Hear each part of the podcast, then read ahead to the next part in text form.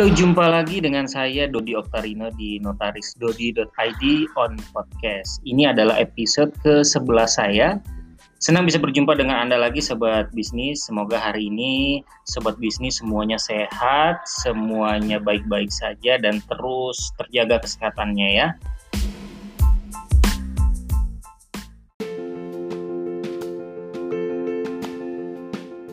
Ini adalah podcast ke-11 saya di hari ini di tanggal 24 Maret 2020.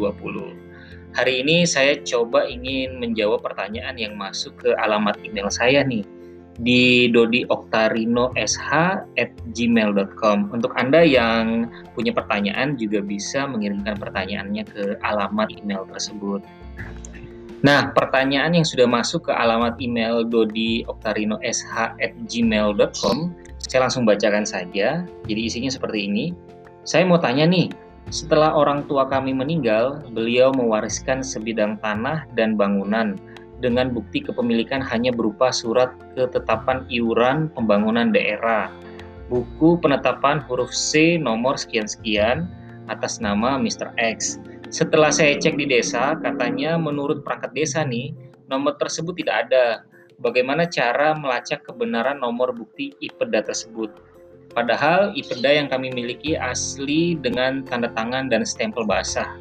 Demikian pertanyaan kami. Terima kasih.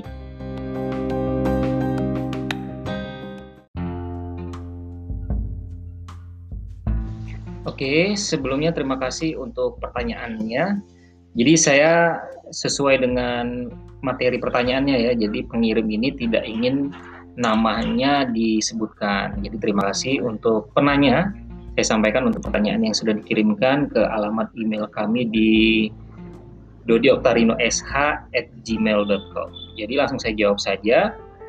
Jadi begini, Pak, inilah kelemahan untuk tanah adat yang belum dikonversi ke pada sertifikat karena tanah ini diasuh catatannya sepenuhnya itu oleh kepala desa sehingga pernyataan kepala desa dianggap sebagai satu-satunya kebenaran formil. Banyak orang yang memiliki masalah yang sama dengan Bapak sebetulnya. Jadi intinya adalah untuk tanah yang belum dikonversi menjadi sertifikat otomatis memerlukan pernyataan dari si pengasuh tanah tersebut yaitu dalam hal ini adalah kepala desa. Jadi apa pun yang dinyatakan oleh kepala desa itu yang akan dipakai secara formil oleh Badan Pertanahan Nasional untuk mengeluarkan atau tidak mengeluarkan sertifikat atas tanah tersebut. Jadi saran saya sebaiknya ditanyakan lebih lanjut kepala-kepala desa yang bersangkutan perihal riwayat nomor C tersebut. Apakah sempat ada peralihan dan bagaimana riwayat peralihan tersebut? Jika Bapak melihat ada peralihan yang menyimpang, dapat dilanjutkan berkonsultasi dengan eh, pengacara atau kuasa hukum Bapak yang dipercaya untuk langkah selanjutnya. Jadi melakukan bisa mediasi atau melakukan tindakan-tindakan litigasi seperti melakukan gugatan ke pengadilan atau e, melakukan tindakan-tindakan di luar pengadilan ya seperti mendatangi Badan Pertanahan Nasional untuk melakukan mediasi atas tanah tersebut.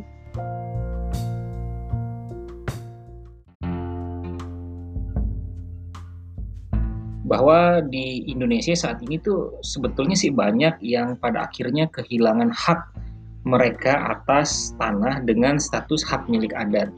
Jadi pada kesempatan kali ini juga saya coba ingin menyampaikan tentang apa sih uh, yang disebut dengan hak milik uh, hak milik adat gitu ya. Jadi mengapa disebut dengan istilah hak milik adat? Jadi karena alas hak tanah tersebut keluar sebelum Undang-Undang Pokok Agraria atau UUPA maka dianggap sebagai bukti hak lama. Jadi kita garis bawahi sebagai bukti hak lama atau alas hak pemilikan tanah dengan dasar bukti hak lama. Pemerintah berusaha keras nih melakukan konversi setelah lahirnya UUPA. Namun entah mengapa hingga detik ini masih saja banyak tanah-tanah yang belum bersertifikat. Sebagian besar adalah tanah yang pencatatannya oleh kepala desa pada buku C. Mungkin sobat bisnis juga sering dengar istilah buku C desa atau C desa gitu kan atau letter C. Intinya itu semua adalah buku yang pencatatannya ada di kantor desa dan termasuk dalam kategori bukti hak lama. Kepala desa adalah pemimpin di sebuah desa yang berkedudukannya pada daerah-daerah tertentu sama dengan seperti kepala suku yang bertugas memimpin dan menjaga baik masyarakat dan juga benda adat yang ada di wilayahnya. Oleh karenanya, jika tanah sobat bisnis pencatatannya masih di kantor desa itu disebut dengan istilah hak milik adat.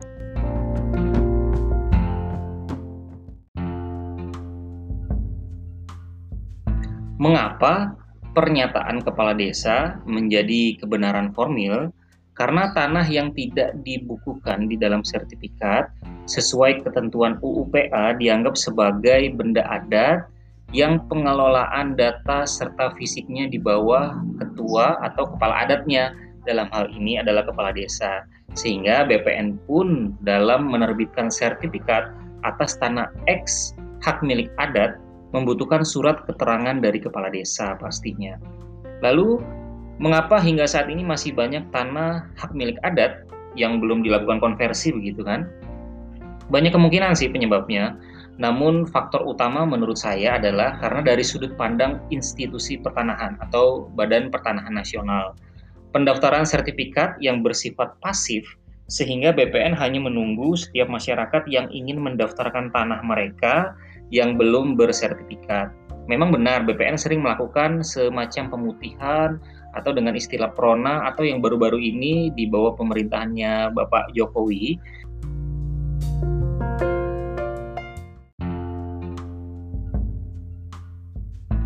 dengan istilah PTSL. PTSL itu kepanjangannya pendaftaran tanah sistematis lengkap. Jadi program ini bisa saja nih sobat bisnis ikuti sehingga untuk proses konversi tanah yang tadi masih hak milik adat itu bisa dijalankan serempak dengan eh, warga lain juga yang memiliki tanah hak milik adat yang sama. Jadi prosesnya bisa lebih cepat dan sistematis lah menurut saya. Namun jika sudah timbul permasalahan, seperti penanya yang tadi di awal sudah kita bacakan, solusinya seperti apa ya kira? Nah, solusinya itu menurut saya kita hanya bisa berharap sebuah kejujuran dari kepala desa. Jadi intinya adalah kita hanya bisa mengandalkan kejujuran dari kepala desa dalam memberikan keterangan baik lisan maupun tulisan terhadap riwayat bidang tanah dengan melihat kepada letter C girik yang bersangkutan. Jadi intinya adalah kita hanya mengandalkan pernyataan dari kepala desa saja seperti itu. Memang ada beberapa desa justru yang buku letter C-nya aja udah nggak ada. Nah kalau begini artinya tetap kita membutuhkan semacam pernyataan secara tertulis dari kepala desa tersebut. Setelah itu, kita dapat melakukan penelitian apakah ada peralihan-peralihan yang menyimpang begitu kan dari tanah letter C yang kita milik kita di sehingga kita bisa memperkarakan hal tersebut di pengadilan. Pengalaman saya untuk menelusuri riwayat sebuah bidang tanah adalah dengan memastikan dahulu di mana letak fisik tanah yang dimaksud. Kemudian, jika keterangan dari kepala desa masih kurang jelas, biasanya kejelasan justru diperoleh dari warga yang lama hidup di sekitar bidang tanah yang dimaksud. Sehingga perlu diperhatikan perlu diperhatikan juga faktor pemekaran desa karena sering karena seiring perjalanan waktu ada saja tuh desa yang melakukan pemekaran wilayah sehingga berdampak pada bertambahnya luasan wilayah desa A atau sehingga mengurangi wilayah desa B. Jadi analoginya seperti itu. Atau terbentuknya desa baru yang bernama C sehingga mengurangi wilayah desa A. Intinya pemekaran ini uh, berpotensi menyebabkan catatan desa catatan desa tentang hak milik adat yang kebetulan tanah kita tadi itu berpindah-pindah gitu kan. Dengan kata lain, akibat pemekaran desa menyebabkan berpindahnya buku catatan kepala desa yang kita bahas tadi. Jadi, untuk penanya atau untuk sobat bisnis juga dengan permasalahan yang sama misalnya, sebaiknya memastikan lagi apakah pernah terjadi pemekaran di desa di mana bidang tanah yang dimaksud tersebut. Jadi melakukan penelitian dan memastikan apakah ada pemekaran wilayah desa seperti itu. Nah, yang dapat saya simpulkan dari pertanyaan dan jawaban-jawaban ini adalah siapa pun jangan pernah merasa cukup aman dengan tanah berstatus hak milik adat.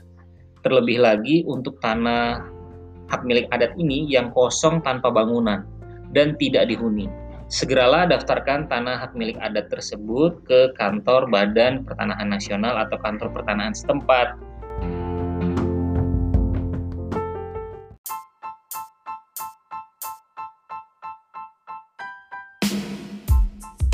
Masih bersama saya Dodi Oktarino di notarisdodi.id on podcast. Demikian eh, sobat bisnis yang bisa saya sampaikan tentang urgensi Anda melakukan konversi secara segera jika Anda memiliki tanah dengan status kepemilikan hak milik adat. Semoga informasi ini bermanfaat untuk Anda yang mempunyai kasus-kasus eh, maksud saya mempunyai kasus-kasus serupa begitu. Dan informasi ini bisa Anda pergunakan untuk menyelesaikan permasalahan tersebut.